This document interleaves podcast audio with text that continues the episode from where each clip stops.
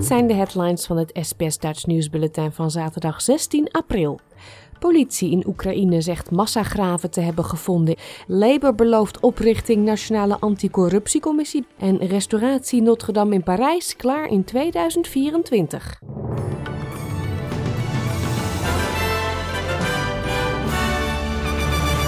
De politie in Oekraïne zegt dat er sinds de terugtrekking van Russische troepen meer dan 900 lichamen zijn gevonden in de regio Kiev.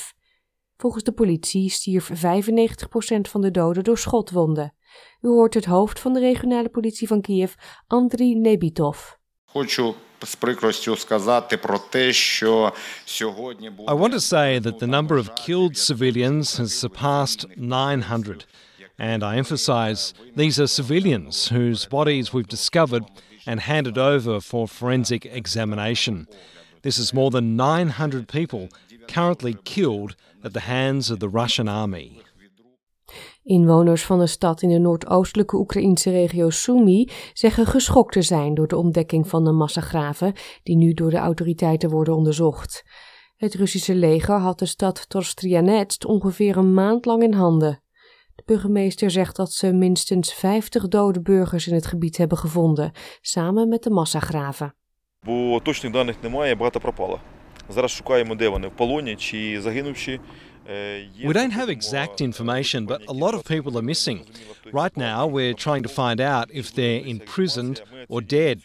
We're finding mass graves, and it's not clear who dug them. An exhumation will take place. At the moment, there are at least 50 dead. Some of them were just shot on the street.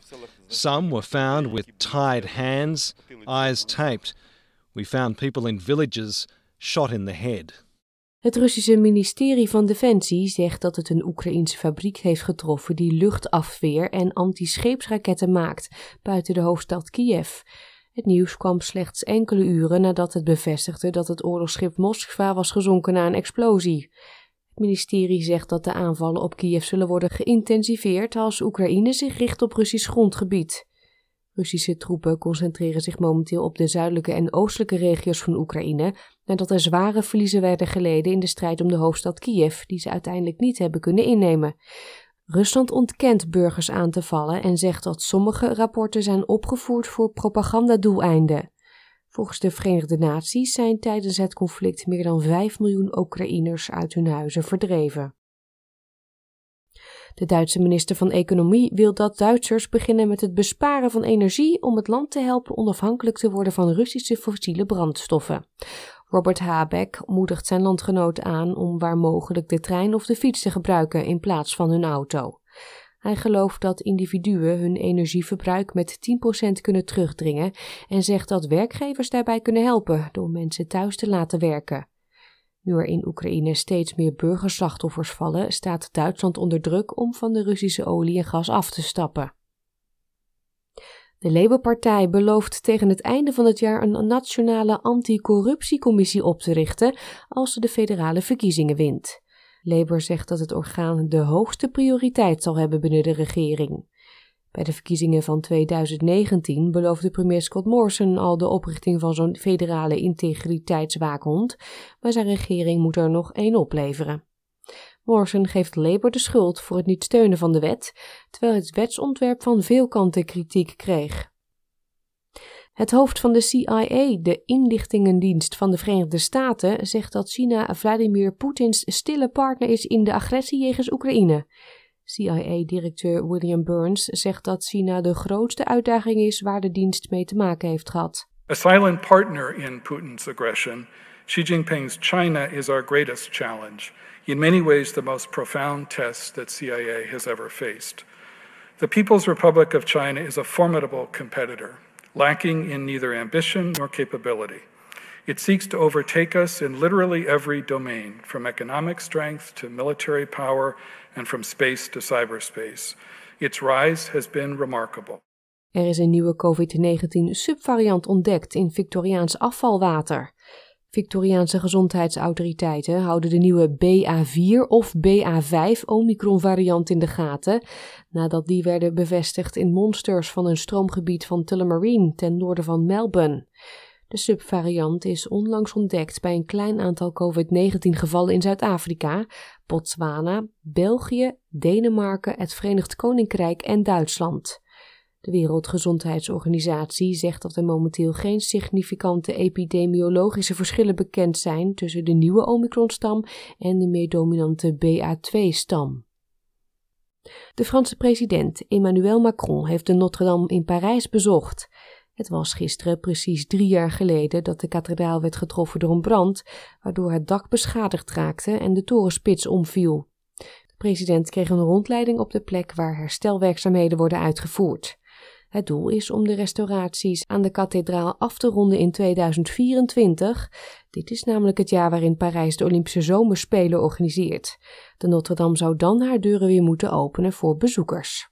Dans cette période où on sort du Covid, il y a la guerre en Europe, tout est difficile. In this period when we're coming out of COVID and with the war in Europe, everything is difficult. It's also a testimony of the hope that corresponds to this period, and I think that makes a lot of sense. I am the president of a secular republic. Finally, it's Good Friday. It turns out that this religious holiday for Catholics also corresponds to Passover for our Jewish faith compatriots and Ramadan for our Muslim faith compatriots. There is a kind of synchrony. Het enige overlevende lid van de IS-groep die in 2015 terroristische aanslagen pleegde in Parijs, heeft om vergeving gevraagd en zijn medeleven betuigd met de slachtoffers.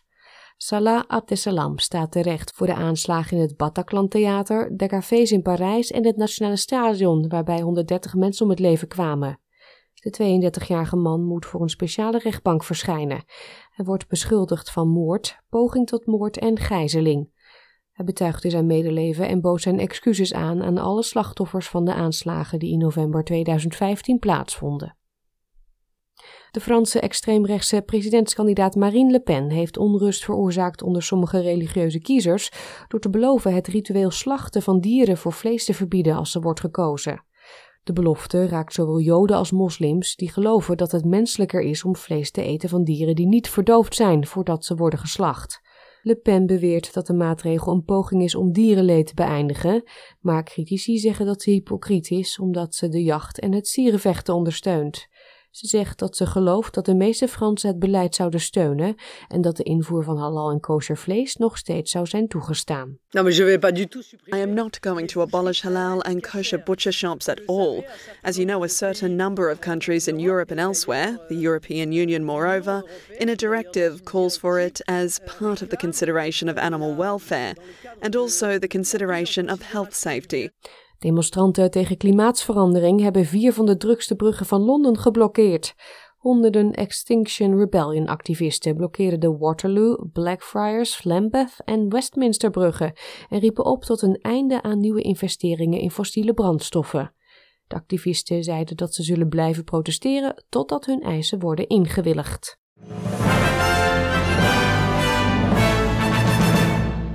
U tot slot nog de weersverwachting voor vandaag. In Perth schijnt de zon en wordt het 26 graden. Adelaide zonnig, 30. Melbourne, ook daar is het zonnig en dan wordt het 27 graden. In Hobart is het bewolkt, 20. Canberra en Wollongong overwegend zonnig, 23. In Sydney voornamelijk zonneschijn, 24. Newcastle gedeeltelijk bewolkt, ook daar 24 graden. Ook in Brisbane is het gedeeltelijk bewolkt, 26. Hetzelfde geldt voor Cairns, maar daar wordt het met 30 graden wel iets warmer. En tot slot Darwin, daar kunnen een paar buien vallen, mogelijk met onweer. En daar wordt het 34 graden. Dit was het SBS Dutch Nieuws.